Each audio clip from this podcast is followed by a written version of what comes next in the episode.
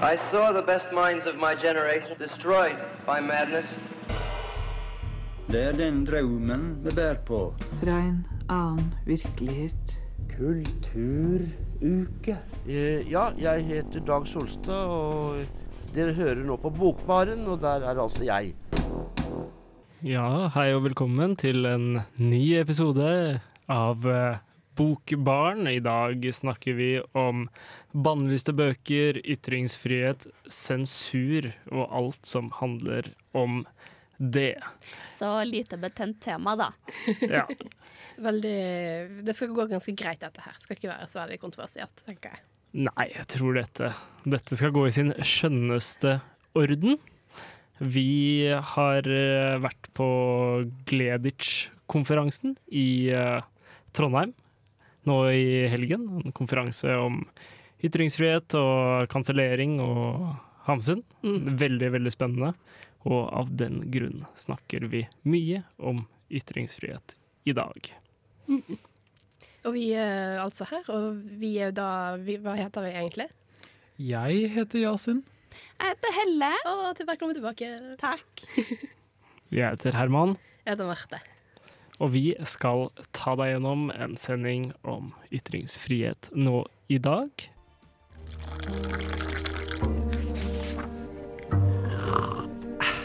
Du lytter til Bokbarn.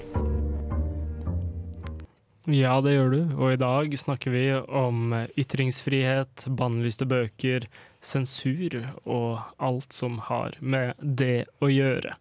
Vi har nemlig vært på Gleditsch-konferansen i Trondheim, som var nå i helgen, der eh, de har satt opp en konferanse som handler om ytringsfrihet og kansellering i kontekst av at Markens Grøde av Hamsun settes opp på Trøndelag Teater. What?! Er ikke den kansellert? Jo, den var kansellert uh, i Hamsun-året 2009. Da uh, erklærte erklærte, erklærte Trøndelag Teater eh, teatret for Hamsun-fri sone. Da Hamsun nesten ble, ble feira for sitt uh, jubileum.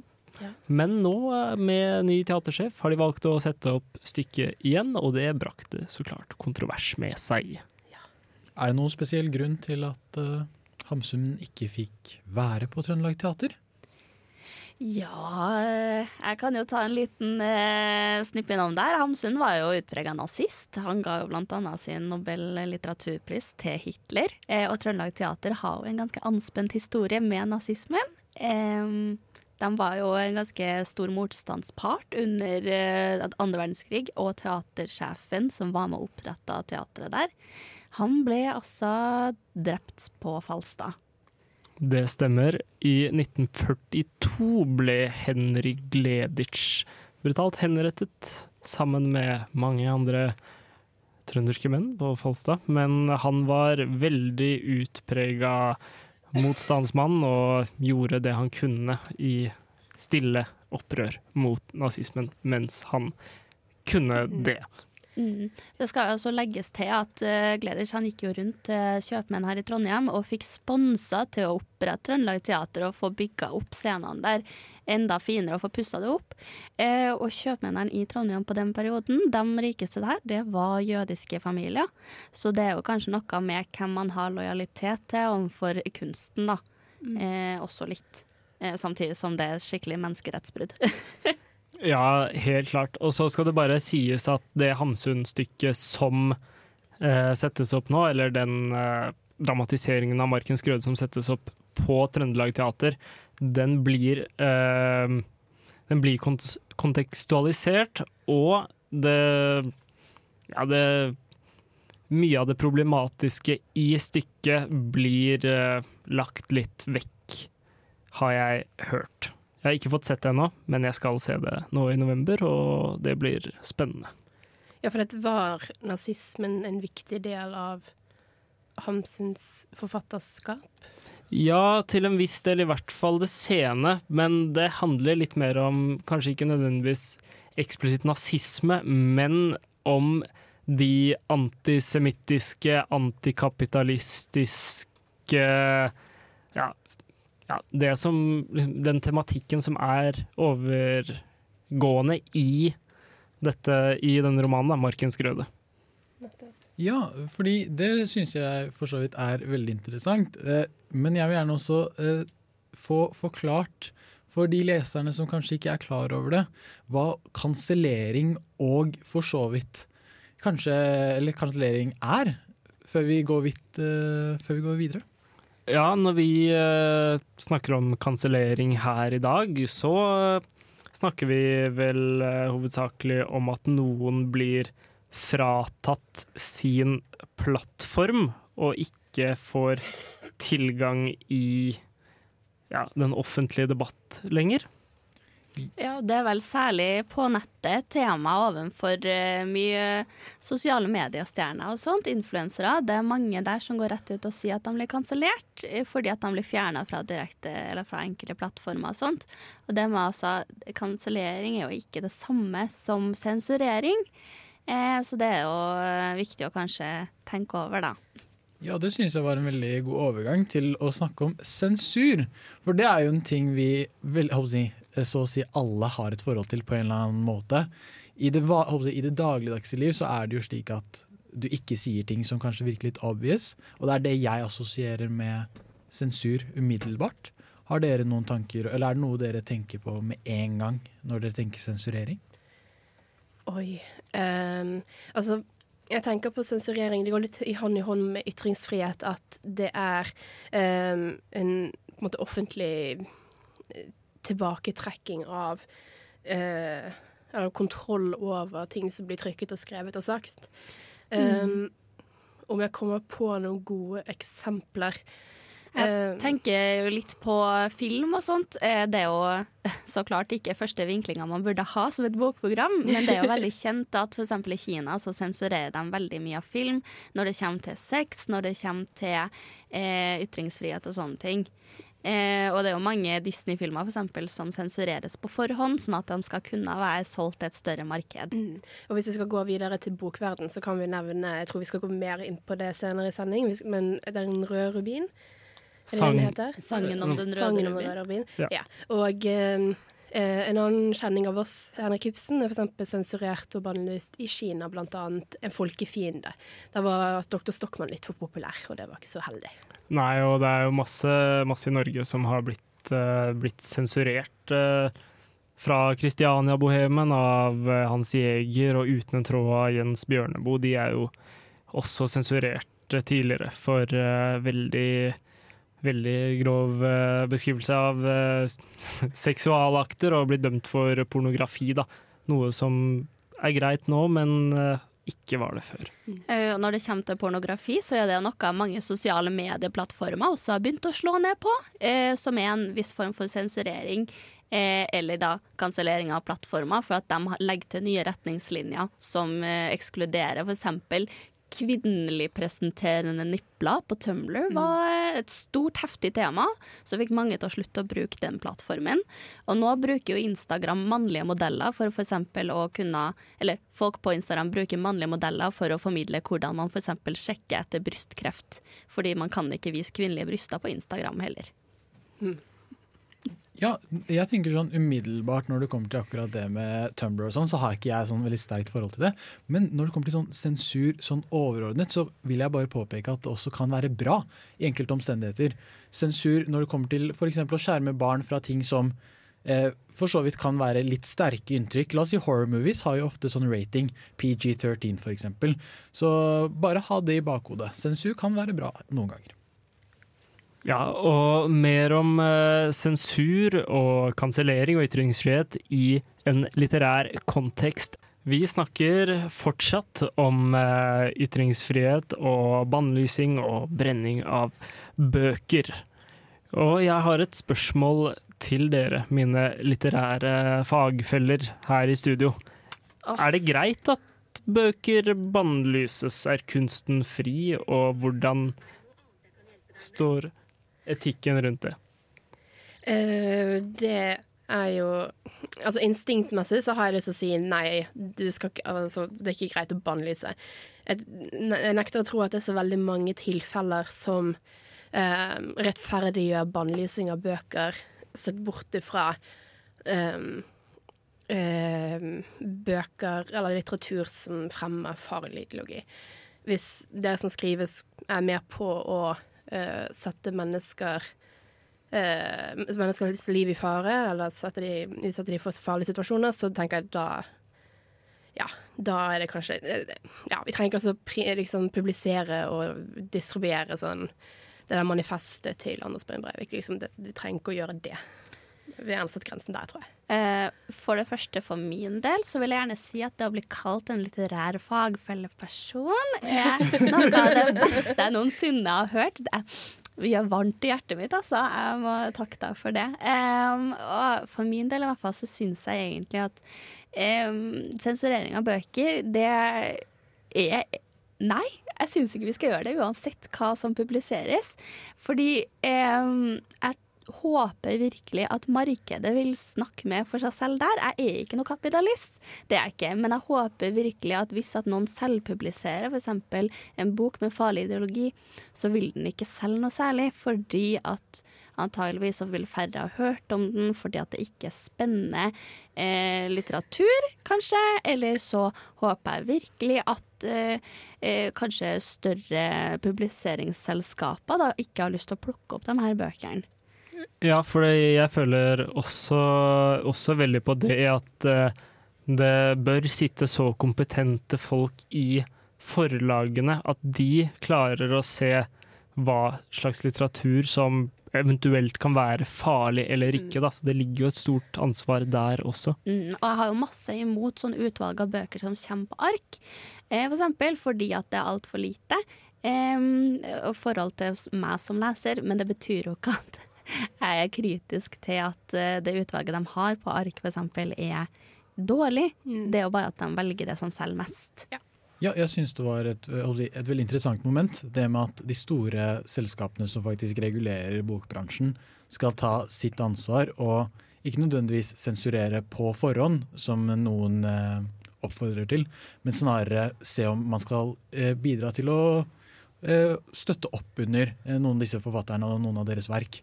Men en ting som er litt problematisk, som jeg har tenkt på i etterkant, er jo nettopp det at eh, i dagens samfunn så er det jo nettopp tilgangen til informasjon som preger oss. Det at jeg kan publisere en tekst på nettet, og at den kan gå viralt, betyr jo lenger at vi på en måte ikke bare kan være avhengig av de store selskapene til å moderere hvilke bøker som er til stede for oss. Så med det i bakhodet mener vi fortsatt at eh, noen bøker ikke burde bli bannlyst. Ja. Altså Selvpublisering har jo blitt en greie som uh, gjøres mer og mer. Uh, og det er jo sånn vi har fått sånne gems som uh, 'Kissing the Coronavirus' og sånne ting. Sånn lockdown-litteratur. Fantastiske saker. Kjempedårlig skrevet, og det er jo kanskje en grunn til at det ikke har blitt mainstream. Ja, akkurat. Og liksom sånn Forlagene er jo hovedsakelig et sånn kvalitetsstempel på en litterær utgivelse. Men allikevel da, så mener jeg at sånn, du skal jo få lov til å ytre det du vil, men så har ja, forlagene et samfunnsoppdrag der man modererer hva som er god litteratur og ikke. Yes, helt enig med det Herman sier. Samtidig så vil jeg også oppfordre til å tenke på at ikke bare forlagene har det ansvaret. Nå skal vi også se på, typ, eh, selv om det er fanfiction.com, eller om det er New York Times, eller om det er Facebook. Det er fanfiction.net, faktisk. Ok, jeg beklager, eh, jeg beklager på, av hele mitt hjerte. Men det som er enda viktigere, er de selskapene som opererer på det digitale planet i mye større grad enn forlagene, også tar sitt ansvar og driver og modererer på samme måte, og at de ikke skal skjermes fordi de, de eh, ikke ønsker det. Jeg vil bare legge til at det også de siste årene så har det oppstått en ny stilling som en del forlag tar for seg, som heter sensitivitetsleser. Som brukes overfor litt sårbare temaer som skrives om, når det kommer til f.eks. rase, seksualitet og sånne ting, for å vise at det på en måte, de tar de her problematikkene på alvor. Mm. Det er en ting som jeg lurer på som jeg tenker jeg skal spille litt over til dere. Det har jo blitt en økende trend, i hvert fall i filmverden, at eh, gamle verk som kanskje har litt problematiske eh, eh, fremvisninger av forskjellige mennesker, at du får på en måte en advarsel eller en sånn eh, Denne filmen her viser frem dette på en problematisk måte, bla, bla, bla. Er det noe vi burde ha i bokverden òg? F.eks. da i Hamsuns litteratur? Ja, på en måte tror jeg at det kan, eh, det kan være mer liksom at det står f.eks. først da at det verket kontekstualiseres og er skrevet i en annen tid, eller at det har dypt rasistisk tematikk i seg, da, bare sånn at man kan se det ut ifra Eller annet enn det, så tror jeg ikke at det nødvendigvis trengs noe mer, da. Mm. Du skal jo på en måte være fri til å lese det du vil. Og vi skal jo snakke litt om at folk ikke alltid har vært frie til å lese det de vil gjennom tiden. Dette er Lars Elling, og du lytter til Bokbaren. Ja, dette er Herman, og du lytter til Bokbaren. Du har nettopp hørt Park med Bento Box Trio. Eh, Kansellering og eh, sensur av litteratur er absolutt ikke et nytt fenomen. Det har skjedd gjennom eh, all moderne tid at, og eldre tid, arkaisk tid, at litteratur har blitt sensurert, trukket tilbake eller kansellert. En veldig, veldig stor Hva skal man si? eh, Veldig stor ting som skjedde i Europa på 1900-tallet i forhold til dette med sensurering av litteratur, var tyskernes bokbrenning. Først og fremst i Tyskland, men andre steder Mm. senere. Ja, det var jo ikke rent lite. Ganske sånn massiv del av eh, nazistene og på en måte tyskernes eh, måte å dyrke frem en sånn tysk-arisk nazistisk kultur, da.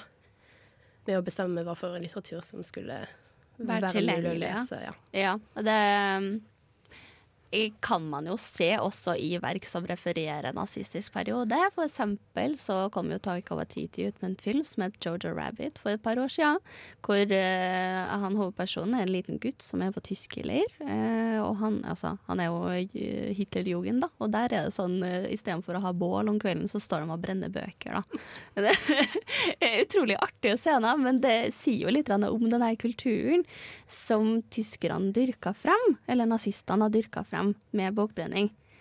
Ja, absolutt. Og etter at uh, det nasjonalsosialistiske partiet og Hitler kom til makten etter Weimar-republikkens fall i Tyskland på 1930-tallet, da begynte de å brenne bøker. Alt som var problematisk og gikk mot den nasjonalsosialistiske agendaen, ble brent. Det var om lag eh, 25 000 bøker av 2500 forskjellige forfattere. De var hovedsakelig jødiske, som Stefan Zweig og Frans Kafka. De ble, de ble brent, rett og slett, i, i Tyskland av eh, Hitlerjugend og eh, Sturmabteilung. Og ja Løp rundt, brant bøker og fikk bort det som var problematisk. En ting man ofte ikke tenker på, er jo det at eh, det er ikke bare bøker som aktivt kritiserte nazistene, som ble kritisert, eller på å si ble bannlyst eh, og brent. Men det var også generelle forfattere, f.eks. For Albert Einstein sine bøker. Eller altså, Albert Einstein ble i alle fall eh, brent, eh, eller litteraturen ble brent i, under den perioden. Eh, så det er på en måte Det var ikke eh, kun enkelthendelser. Det var sånn en, et stort gjennomgående Det var en gjennomgående utvikling eh, som nazistene drev fram. Og de intellektuelle, de som skrev, var jo noen av de første som forlot Tyskland i denne perioden. Og det er jo kanskje en av grunnene til at eh, litteratur fra den perioden er eh, tilgjengelig for oss. da og Mm. at uh, vi er klar over det. At de kom til land som Tyskland, Frankrike og uh, Storbritannia. Absolutt, for de brente jo òg ikke bare jødiske bøker, men òg politiske bøker som ikke samsvarte med nazismen, f.eks. kommunistiske verk. Karl Marx ble jo òg Ja. Og også litterære verk som fremstiller spørsmål, altså kritisk tanke overfor samfunnet. Det er jo noe vi ser ikke bare i tyskerperioden, men også fremover i dagens diktaturer, at det er veldig streng kontroll på hvilken litteratur som tillates, også når det kommer til intellektuell eh, tanke og spørsmål til staten, f.eks. Ja, absolutt. Det er jo noe som gjøres overalt for å, for å kontrollere det som kommer ut. Har blitt eh, gjort, eh, gjort til all tid, og det er jo utrolig, utrolig farlig at det skjer, da. I hvert fall for litteraturen som eh, kunstform og budskapsbringende middel. Ja, og jeg syns du toucha på noe veldig spennende. Det med rollen til litteraturen i samfunnet. Bare symbolikken i at man faktisk tar en bok som både så å si kanskje rommer et samfunnsidentitet på mange måter, og kanskje flere litterære verk som også gjør det, og at de blir brent, ofte offentlig, i store byer, eh, er noe som kanskje eh, Det vekker følelser hos mange, inkludert meg selv. Ja, absolutt. Og vi skal jo se, se mer på hvordan det å Eller hvilke effekter det kan få at, eh, ja, at bøker blir brent. Hei, det er Tove Nilsen som har skrevet roman fra Nedre Singsaker, Singsakerbakken, og som endelig nå får være i Trondheim igjen, i Bokbarn. Ja, vi har eh, hørt eh, Versailles med Joe, og vi snakker om ytringsfrihet her i Bokbaren. Det er ikke bare Gleditsch-konferansen som er grunnlaget for at vi har drevet og snakket om, eller har valgt ytringsfrihet, sensur og kansellering som tema for dagens sending. Det er også mye som beveger seg over dammen og ut i den store verden. Ja, det har nemlig å gjøre med USA. Mm. Og, det jo, ja, og det er jo en veldig voksende trend som man ser eh, de siste årene, hvor eh, det har blitt mer og mer eh, titler og bøker som har blitt bannlyst i USA. Jeg kan jo eh, gi litt eh, bakgrunn og fortelle litt om det. Eh, jeg kan vise til eh, ja, den informasjonen her kommer fra en ide ideell organisasjon som heter Pen America. De jobber med å forsvare ytringsfrihet, og det inkluderer da pressefrihet, beskyttelse av journalister, sånn som oss, eh, artistisk frihet, ytringsfrihet i utdanningssystemet, ja. Og de har altså da nylig eh, kommet ut med en rapport som omdiskuterer da bannlyste bøker i skolen, men òg eh, i biblioteker. Så det er jo eh, Jeg kan jo gi litt tall. Fra juli 2021 til juni 2022 så ser man da eh, 2532 tilfeller av individuelle bøker som er bannlyst. Yikes. Store tall. Ja. Og hvis vi da ser på individuelle titler, eller unike titler, så er vi oppe i 1648. Mm. Det er ganske mange. Eh, Du husker I fjor sommer så satte jeg meg ned og leste gjennom en av de her listene med nye forslag til bannlyste bøker. Og veldig mange av dem hadde jeg lest fra før. Mm. Eh, og det hinter jo kanskje litt imot uh, nøyaktig hvilke type bøker som sensureres. For jeg er en aktiv skeiv leser, og jeg leser skeive bøker veldig mye. Ja, og det kommer vi nok uh, mer tilbake hvis vi skal snakke om tematikken. Og det Mhm. tenker jeg at det skal få lov til å gjette litt. Uh, men jeg kan jo òg nevne at dette her er noe som påvirker litterær og akademisk, men også kreativt arbeid til 1555 eh, forfattere. Så det er snakk om eh, 1261 romanforfattere, skriftlige forfattere. Så har du 290 illustratører, 18 oversettere. Så det er ganske mange eh, som blir påvirket av dette. Eh, og da lurer jeg litt på om dere har noen tanker om kanskje hvilken stat som eh, står for mest bannlysing?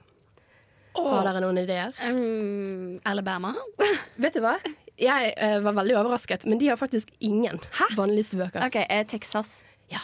What a surprise. Det, ja, uh, de gir ikke et spesifikt tall her, men det er et sted mellom 750 og 1000 bannlyste titler. Herregud. Det er ganske mange. Uh, Etter det så kommer vi til å prøve å gjette en annen stat. Jeg gjetter Tennessee. Eh, nei, jeg tror de er på fjerdeplass. Men godt forsøk. Uh, Georgia? Uh, nei, faktisk ikke. Ganske langt ned på listen. Oi. Mm. Arizona. Der har de ingen bannlyse. Arkansas. Der har de faktisk hell... Jo, der er det Ja, det er snakk om kanskje maks ti bøker. Kansas? Uh, nå aner jeg ikke hvor Kansas er på kartet, men de er ikke så Jo, nei, det er ikke så mange. Det er Florida. What? Florida kommer på en god andreplass. OK, vent. Ja, de har ganske mange gamle folk. Ja, relativt konservative politikere også, som Ja. kommer ut av Florida. Vi trenger ikke også, Det høres ut som en Lytt på nytt-sak, men jeg er veldig girig på å prate om det òg. Eh, og så har du òg Tennessee. Og så har man overraskende nok Pennsylvania. Pennsylvania? Ja, Oi. De er veldig store på bannlysing av bøker.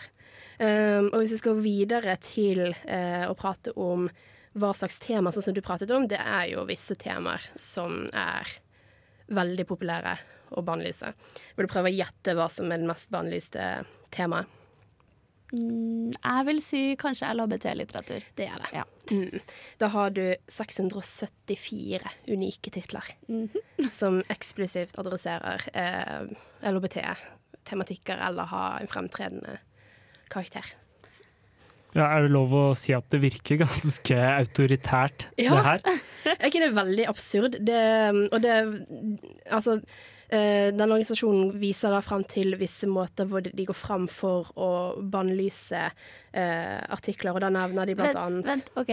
Et spørsmål. Ja. Kan jeg gjette tema nummer to? Vil du prøve? Ja. Ja. Er det øh, raselikhet? Ja, ok. Mm. Det som jeg syns er veldig interessant her, hvis du ser på disse titlene, der kan vi jo kommentere litt på.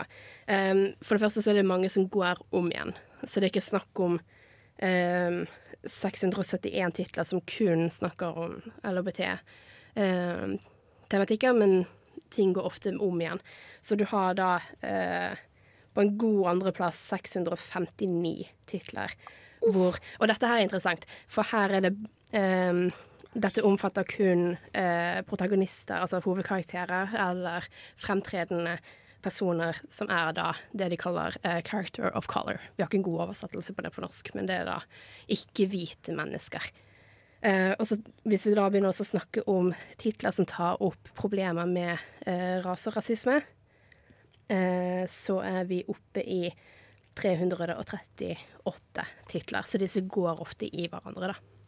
Ja, i et eh, I hvert fall i et USA som vi hører om, der eh, det snakkes veldig mye om en innskrenka ytringsplattform, men kanskje litt mer på at det er høyresiden i politikken som snakker om at deres ytringsplattform blir eh, innskrenket av den klassiske venstresiden, virker det jo kanskje som at det, det går litt i begge veier her. Ja, det er, jeg synes det er ganske morsomt at de som ofte snakker mest om kanselleringskultur, er de som faktisk bedriver det i de statene der de styrer. Fordi eh, jeg som er statsviter, kan jo eh, bry meg om politikk. Så en kjapp recap er jo det at eh, samtlige av de statene eh, som Marte nevnte, altså Texas, eh, Florida osv., er stater som i det store og det hele styres av det republikanske partiet i USA, som er kjent for å delta i kulturkrig og tilsvarende. Og det er jo en grunn til at eh, de aktivt eh, driver og undertrykker eh, forfattere og slike tematikker. Og da kan vi gå videre, for dette også interessant. De bannlyser òg 161 titler med tema som er relatert til rettigheter og aktivisme. Hæ? Mm. Nei. Er det sant? dette. Ja, det er helt på ekte. Jeg er sjokkert. Det, jeg kjenner at da blir jeg litt sånn Jeg vet ikke hvordan jeg skal få si dette på en god måte, men det gir mening at eh, skeiv litteratur blir brennvis, på en måte.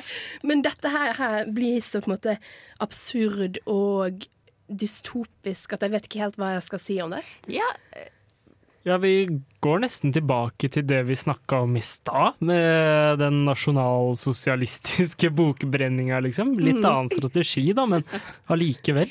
Ja, jeg har jo skrevet ei lita liste her med bøker som jeg er overraska over at har blitt bannlyst, men kanskje ikke like overraska likevel. Eh, så jeg tenkte jeg skulle gå gjennom med den, den med dere, da. Så på øverst på denne lista mi eh, står Anne Franks dagbok. Den har vært bannlyst i skolen i mange, mange år. Ja, for den tar vel opp litt sånn tematikk rundt romanse og seksualitet. Ja, det gjør den. Og så har den også blitt bannlyst for å være for deprimerende. um, så eh, Lord of the Flies, kanskje ikke så overraskende at den har blitt bannlyst i enkelte stater. Andre stater har den på leselista for pensum, så det kommer jo veldig an på nøyaktig hvor du er. Um, The Lorax uh, ble bannlyst etter at uh, the logging, altså eh, treindustrien, de uh, championa det Nei, gjennom tuller. hos staten. Jo da. Fordi The Lorax uh, av Dr. Seuss handler jo nettopp om miljøvern og det å ta vare på skogene våre, og det er jo ikke bra hvis at du f.eks. jobber med å felle trær. Eh, også The Giver, en av mine tidligere favorittbøker, ble bannlyst fordi at den var en dystopisk bok som hadde altfor unge hovedkarakterer. Eh, nettopp fordi at eh, personene er på barne- og ungdomsskolealder. Eh, og at det kanskje var litt for ungt til å starte en revolusjon. Ja. Eller, Jeg, jeg skjønner ikke. Eh, Jeg bare står her og måper, jeg. For det er jo eh, så sinnssykt at eh, Og nå kommer eh, sånn statsviteren i meg fram. At det partiet som snakker om ytringsfrihet, eh, og at alle skal ha tilgang til ting, eh, driver og begrenser mest. mm. Ja, det er jo ikke um, Det er jo en vakker ironi i det, da. På en måte sånn der eh, Det er noe jeg syns er fascinerende med amerikansk politikk, og spesielt det med ytringsfrihet, er den der med at 'å, jeg skal ha rett til å si alt jeg vil'. Eh, og så, ja, går man rundt og så bannlyser bøker, men òg glemmer liksom frihet til, frihet fra. Ja, og så er det liksom med hvilke bøker de velger å bannlyse. Om du Mm. velger å bannlyse Harry Potter, da har jeg spørsmål. Ja, absolutt. Ja, absolutt. Det er, det er, det er absurd. Da. Det virker som vi går i Går i liksom mange, mange forskjellige retninger her på andre siden av Atlanteren. Du, Magnus, jeg fant en skikkelig kul ny bok. Hysj! Du kan ikke snakke ved biblioteket, men du kan høre på Bokbarn hvis du har headset.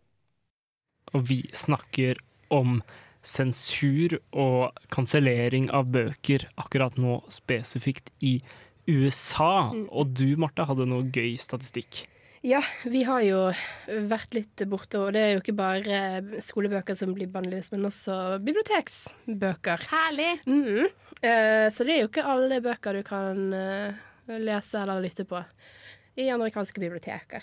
Eh, det er snakk om, jeg tror, rundt eh, 300-400 bøker eh, som blir bannlyst. Og det er jo interessant, for at eh, Yasin begynte å ta opp eh, litt sånn statsvitenskapelige perspektiver på, eh, på dette, og det er jo utrolig eh, udemokratisk bevegelse å så bannlyse bøker, bannlyse ideer og tanker.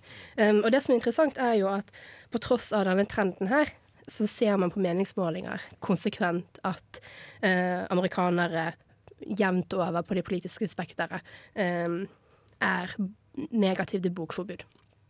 Mm. Ja, jeg synes uh, å høre at amerikanere er for gode ting, er jo alltids hyggelig, det. Eh, Selv om man kanskje kan ha et annet inntrykk. Uh, men jeg had, uh, når jeg leste om dette i sted, og tok et kjapt Google-søk, så fant jeg noe veldig veldig spennende, og noe jeg sa til Helle er litt sinnssykt. Og det var at i en stat i USA, nemlig Michigan, så var det no, et par folk som jobbet på et bibliotek, og de ville ikke sensurere hvilke bøker de hadde på biblioteket sitt. Og eh, sa, var trassig og sa nei. Og så eh, ble det en avstemning i byen. Og i den avstemningen så stemte de over om det biblioteket skulle få videre finansiering. Og vet dere hva som skjedde da? Da vant eh, ikke biblioteket, eh, men eh, de som ville begrense bøkene. Så biblioteket fikk eh, mistet støtten sin. Ja, hva er det de kaller USA? Land of the free? Elsker det. Og eh, Land Free of Books. Ja, der har vi det. Og det er jo interessant det du sier, for det, er jo mange forskjellige, forskjellige eh, taktikker som man bruker for å gå fram for å bannlyse bøker, blant annet i skolen, men også på biblioteker. Eh, og det inkluderer da å overvelde skole For de har jo et veldig rart system de har i USA med school boards. Uff, ja. Um, Med involverte foreldre og diverse. Ja. Eh, Det er annerledes enn i Norge, for å Ja. si det mildt. Det er ikke bare staten som styrer hvordan skolen skal uh, gjennomføres, så det er jo sikkert ytterst problematisk på andre måter. Ja, det er ikke statsstyrt og autoritært sånn som det er i Norge. Sosialiststaten Norge. Uh, men det uh, Og så er det også eh, hvor de ønsker også å få ganske omfattende sånn uh, Hva er det norske ord for rating? Uh, Rangering? Eller ja. ja.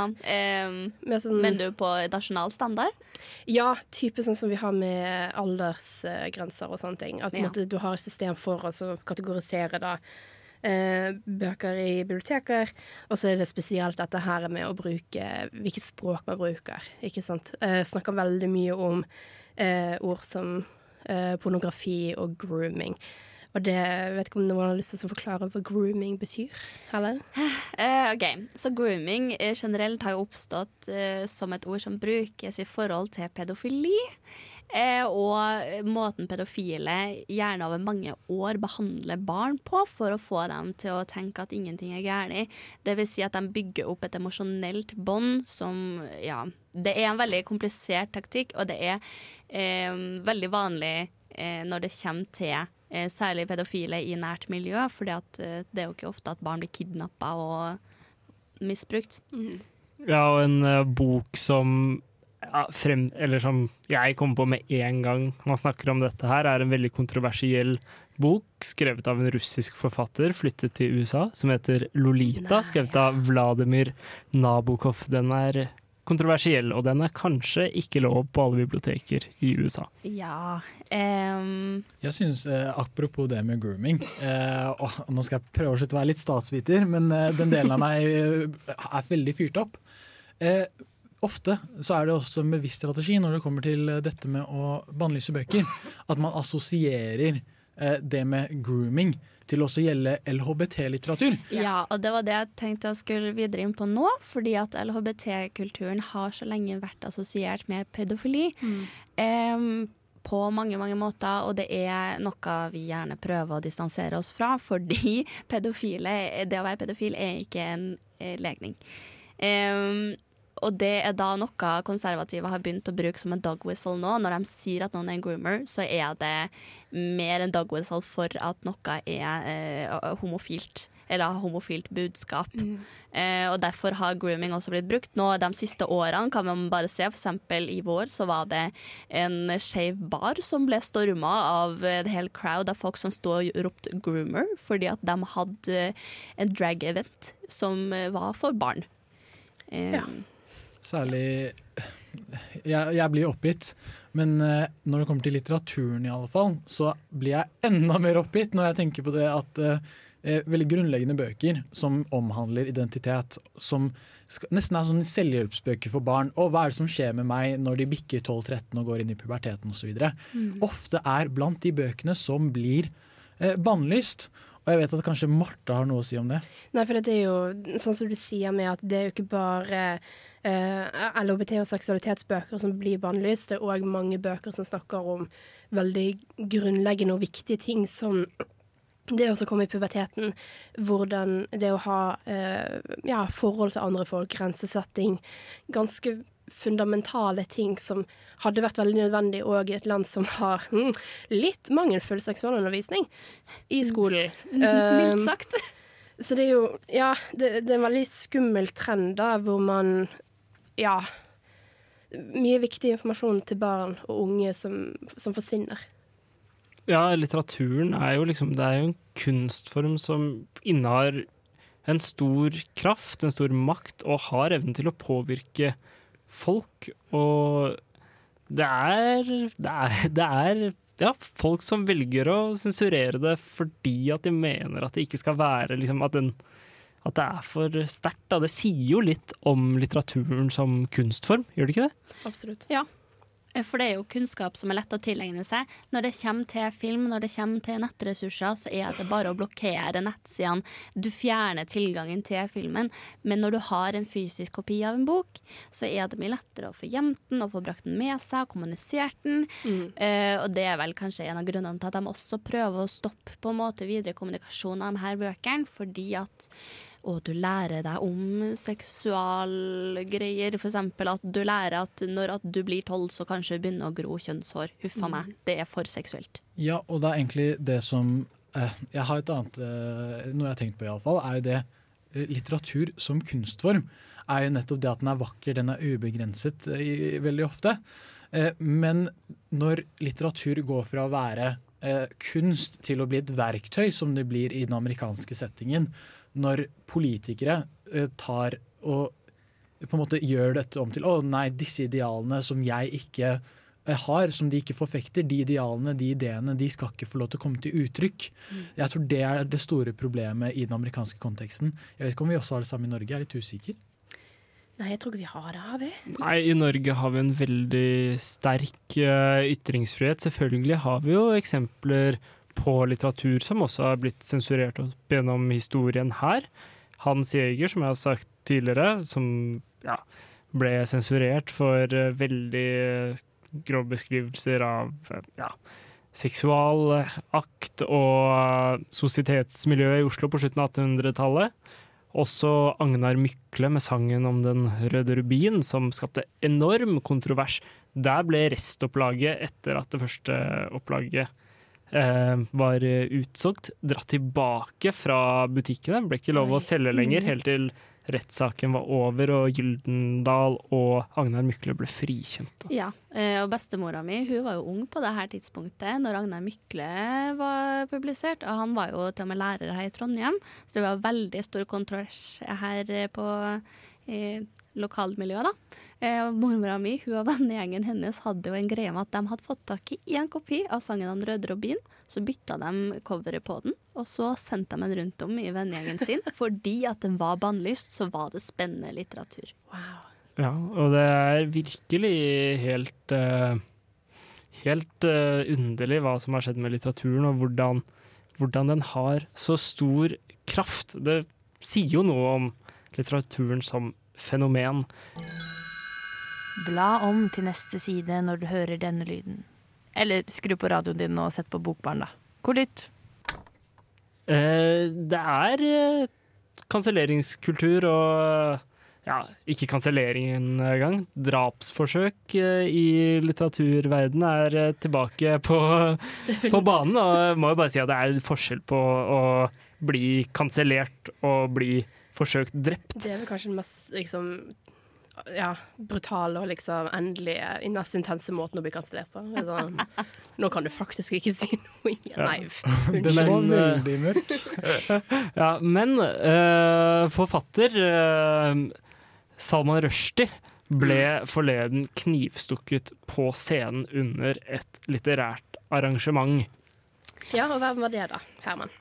Salman Rushdie, eh, forfatter som ga ut eh, det, ga ut boka 'Det eh, sataniske Sataniske vers', som eh, valg, eh, ja.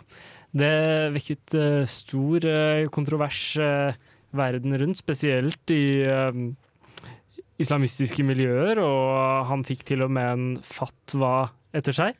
Ja. Eh, Salman Rushdie var jo allerede før han utga 'Satanistiske vers' en anerkjent forfatter. Han hadde jo utgitt et par bøker før det som var skrevet spesifikt for uh, særlig migr uh, altså muslimske migranter i Storbritannia. Og det var på en måte de første man så sånne eh, utenlandske karakterer med forskjellige origins skrevet for en migrantpopulasjon, da. Så det ble kanskje litt veldig kontroversielt når han skrev satanistiske vers. Um, Uh, og som Herman sa, så ble det jo Den iranske staten satte ut en fatwa på han. Ja, av Ayatollah Khomeini, var det ikke? Mm. Det stemmer.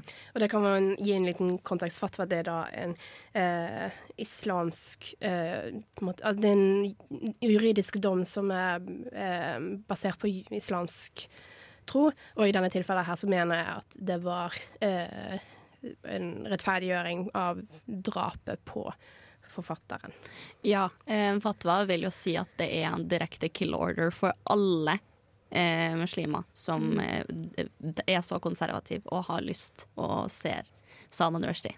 Ja, jeg synes først og fremst helt forkastelig. Vi vil bare påpeke det, selv om vi kanskje ikke har sagt det høyt ennå. Eh, men eh, det er også eh, Kanskje dette er en brannfakkel eller ikke, men jeg mener eh, egentlig ikke at eh, kanselleringskultur eh, nødvendigvis kan knyttes opp mot dette her.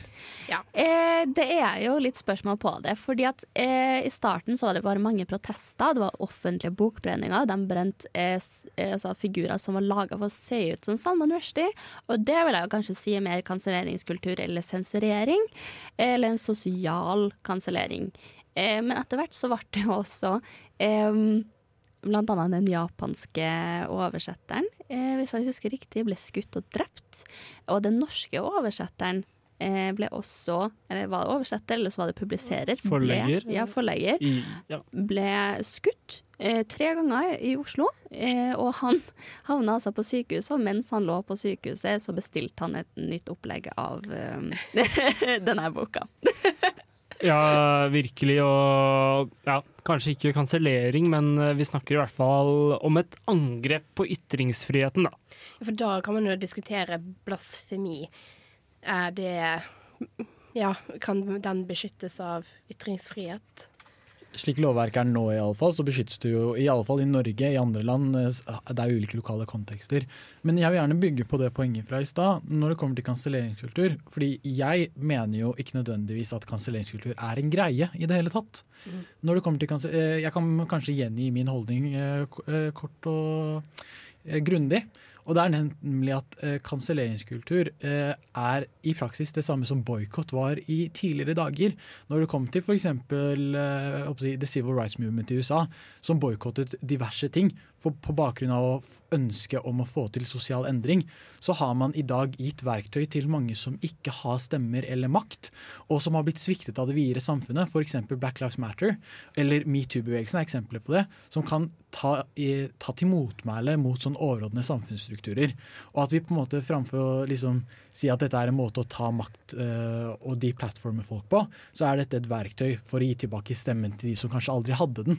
Jeg er veldig enig.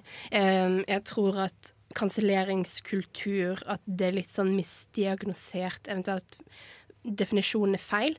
Jeg tror det man ofte tenker på kansellering, det, det er ikke innenfor måte, det samme som du snakker med, måte, samfunnsendring og, og boikotting og den type ting. Det er mer eh, en masse mennesker som har et veldig stort behov for å eh, Markere en protest? Nei, Eller? ja, men nei. Jeg vil heller si, og det jeg tenker spesielt hvis man drar inn på en måte influenserkultur, at man har et sånt behov for å se folk feile.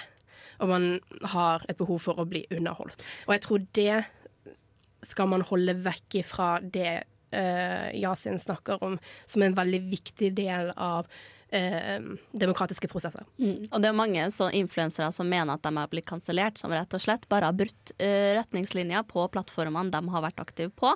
Og det er jo ikke det samme som eh, å få konsekvenser for å bruke ytre, eh, ytringsfriheten sin, som er lov på gitt. Mm. Ja, jeg skal bare nevne en kjapp liten ting, og det er nemlig det med J.K. Rowling som et godt eksempel på dette.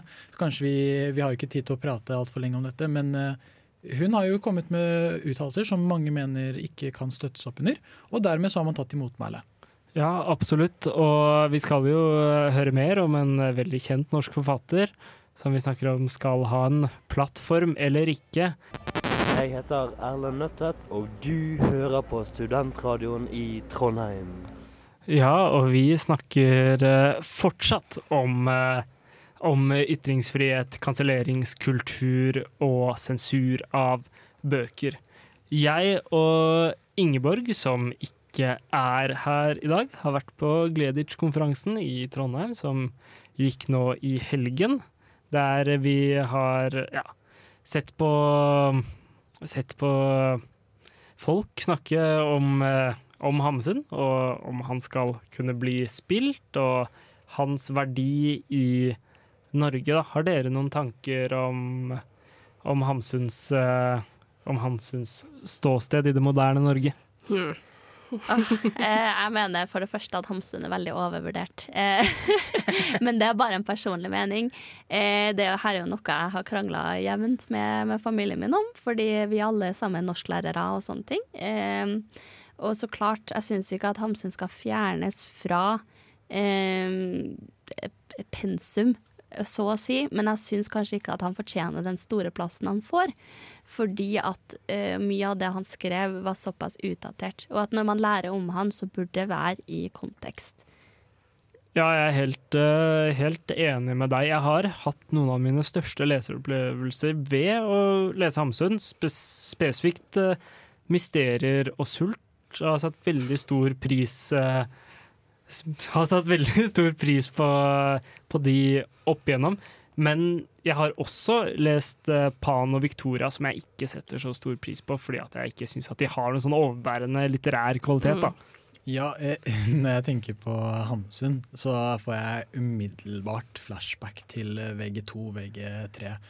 Eh, og norskeksamen. Eh, når Herman nevnte sult, så fikk jeg nesten panikkanfall. Eh, men eh, i forhold til det med Hamsun og hvorvidt det er hensiktsmessig å kanskje fortsatt diskutere ham eh, den dag i dag, fortsatt lese litteraturen hans. Mye av det tankegodset Hamsun eh, hadde, enten det gjelder sånn arbeids, eh, organisering av arbeidslivet når det, gjaldt, eh, når gjaldt etniske minoriteter, når det gjaldt eh, kvinner, eh, er jo ikke verdier vi støtter opp under i dag, holdt på å si som allmennsamfunn, eller som et moderne samfunn. Eh, Men kanskje det er hensiktsmessig hvis man ønsker å få et innblikk i fortiden. Hvis man ønsker å se på hvordan Norge var under mellomkrigsperioden. Eller jeg, vet, det, jeg tror det var mellomkrigsperioden. Ja, det spør, eller eh, du har jo Markens Grøde, da, som var tema for, eh, for denne konferansen, som kom ut i 1919, men Hamsuns eh, kanskje mest populære verker, eller det var jo Markens Grøde som vant av Nobelprisen i litteratur, men Sult og Mysterier og Pan og Victoria, de kom ut på 1880- til 1890-tallet. Mm. Så det er ganske Noe predaterer til og med den første verdenskrigen. Ja, og jeg vil jo si at jeg tror Jeg tror absolutt man skal kunne lese eh, Hamsun uten at det skal på en måte være et problem. Og jeg tror grunnen til at eh, det, at vi kan lese Hamsun, er fordi at vi har en såpass gjennomgående debatt i eh, samfunnet hvor eh, vi hele tiden diskuterer da verdisynet til, ja, til Hamsun. Ja, og vi skal eh, høre litt på hva Ståle Dingstad, litteraturprofessor ved Universitetet i Oslo, sa til oss om verdien i det å lese Hamsun. Ståle Dingstad, du er professor i litteratur og har skrevet en bok om hvordan vi bør forholde oss eh, kritisk, eller ha i mente at det er kritikkverdige ting eh, ved Hamsun og hans forfatterskap når vi leser Hamsun. Mener du at vi skal kansellere Hamsun, eller at vi skal slutte å lese Hamsun? Nei, det mener jeg absolutt ikke. Vi skal lese Hamsun, og vi skal lese han i kontekst, og lese han kritisk, tenker jeg. Eh, boka di skapte jo litt debatt da den ble gitt ut, og det er noe du har snakka om her i dag på Gleditsch-konferansen. Hva tenker du man kan lære av å lese f.eks. Markens Grøde eller andre Hamsun-romaner? Ja, hva man kan lære? Eh, man lærer å lese eh, tekst. Eh, lese til dels gode tekster. Eh, la seg rive med av handling. Eh, personskildringer, eh, naturopplevelser. Eh, modernistiske temaer, for den saks skyld. Men det jeg har holdt på med, da, det er jo vesentlig å hente fram det som gjør Hamsun problematisk. Og da tenker jeg ikke på Hamsun som person, egentlig. At han støttet nasjonalsosialistene, f.eks. At han var en, en som medvirket til eh, og støttet opp under den tyske okkupasjonen. og for så vidt også deportasjonen av jødene. Eh, Det jeg, det jeg tenker, er at eh, vi må, vi må lese kritisk, og så må vi eh, også hente fram det som gjør Hamsun problematisk, og det er en rekke tekster og en rekke eh, uttalelser. Og det gjelder ikke bare romanene eh, og novellene, det gjelder egentlig alt han skrev. Brev, eh, taler han holdt, eh, og eh, skuespill han skrev, og, og, og en gjennomgangsmelodi, kan vi si, er jo etter hvert en høyre radikal ideologi. For eh, hvis man ser tekstene ikke bare som estetiske uttrykk, men som uttrykk for eh, ideologiske eller politiske holdninger, eh, så så er han mot veldig mye av det vi er for. Han er, eh, han er mot ytringsfrihet, i hvert fall i den forstand at det er mye han ikke liker, som han tar til motmæle mot. Og så er han mot eh, demokratiet, han er mot eh, arbeiderbevegelsen, han er mot kvinnefrigjøringen. Han, eh, han er mot moderne kapitalisme, samtidig som han selv tjener på den. Han produserer jo bøker i bøtter og spann, tjener masse penger. Han er en del av det moderne som han selv er imot på mange måter. Men han ja, I noen grad så forsøker han å reservere det, det, det moderne da,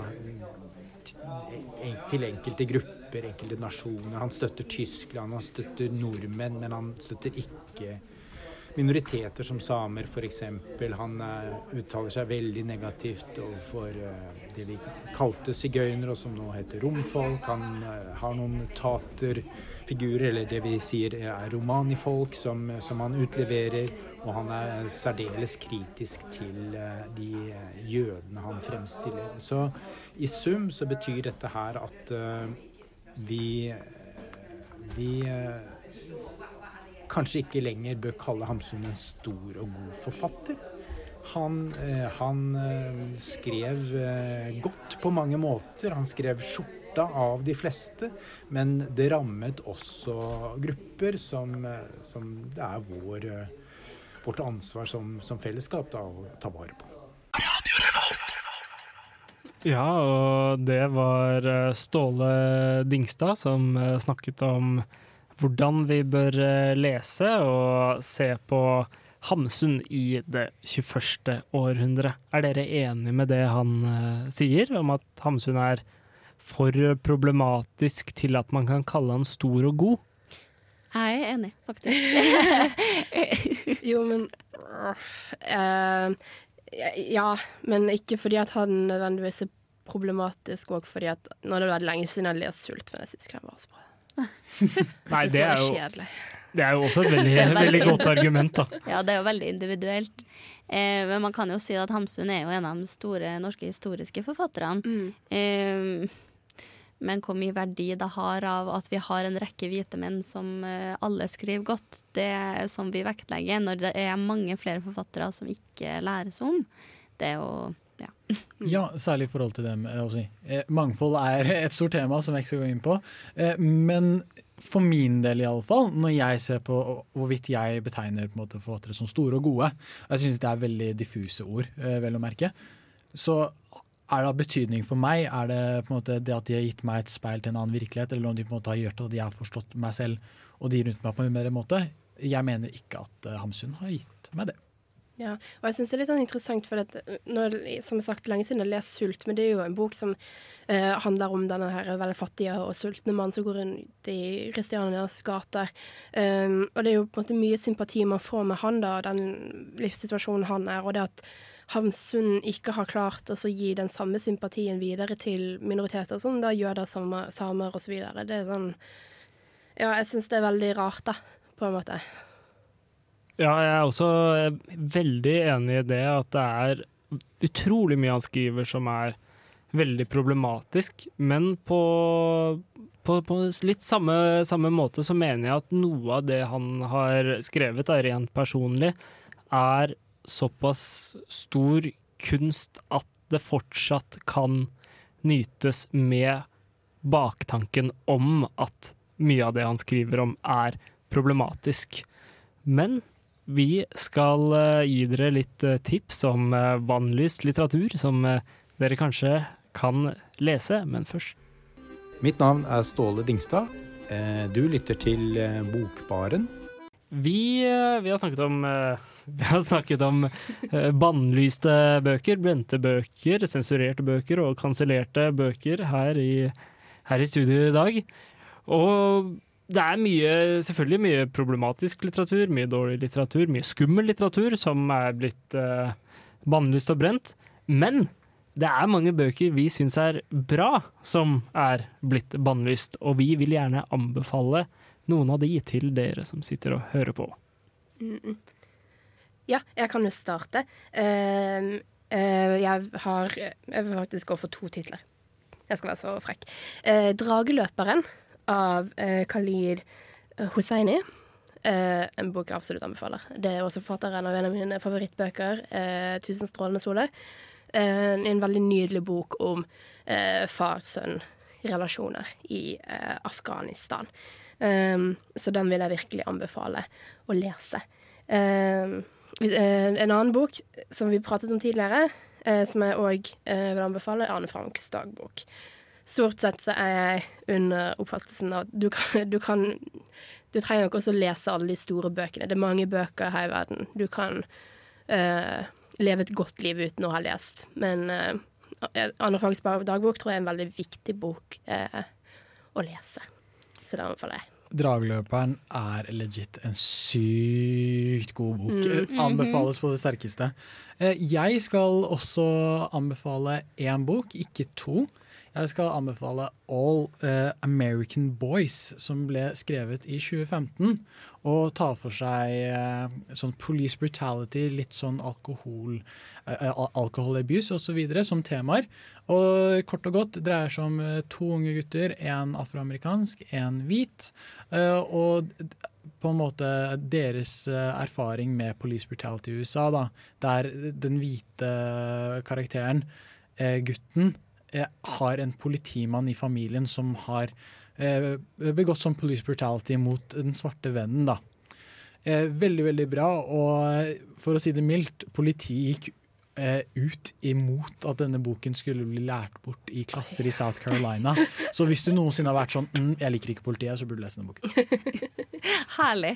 Eh, jeg tar et, eh, en side fra Marte sin bok og tar opp to bøker som jeg ble sjokkert over at er bannlyst, fordi at jeg leste dem regelmessig som lite barn. Eh, og i en kristen familie med en prest som bestefar, så var det helt akseptert at jeg f.eks. leste eh, 'Amuletten fra Samarkand', som er en sånn viktoriansk eh, demonbok. da, eller sånn, Det er en bok som, hvor at den viktorianske eh, England er helt likt, bortsett fra at de også, de politikerne får opplæring i hvordan de kan tilkalle demoner for å gjøre ekstraarbeidet sitt.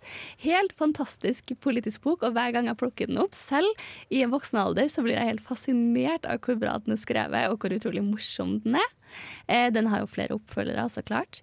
Og så må jeg anbefale Philip Fullmann sine bøker med Det gylne kompasset og resten av det, De mørke materiene sin serie. Da.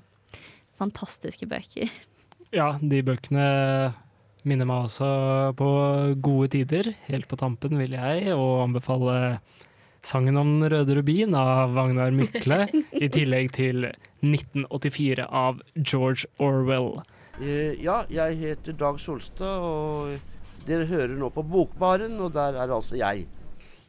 Ja, vi eh, trer inn i det siste minuttet av denne sendingen om eh, ytringsfrihet, kanselleringskultur, sensur og bokbrenning. Flott ord. Mm, jeg elsker det. Veldig smart. Hørtes veldig lurt ut. Ja, utrolig interessant tematikk, og vi har hatt veldig mye å diskutere i dag, og skulle sikkert gjerne vært her enda lenger og diskutert eh, alle disse ja, alle disse temaene. Veldig spennende. Men hvis du har lyst til å delta i vår framtidige diskusjon om bøker, så fra, eh, fra nå og et par uker framover, så skal vi altså ha bokavstemming for hvilken bok vi skal ha til klassikersendinga vår. For vi er så demokratiske. Ja, for vi er veldig demokratiske. Så gå inn på Instagrammen vår og stem i vei. Vi eh, er spent på å se hva dere mener. Ja, og vi ønsker dere hjertelig velkommen til vår bar her i Bokbaren snart. Radio Revolt.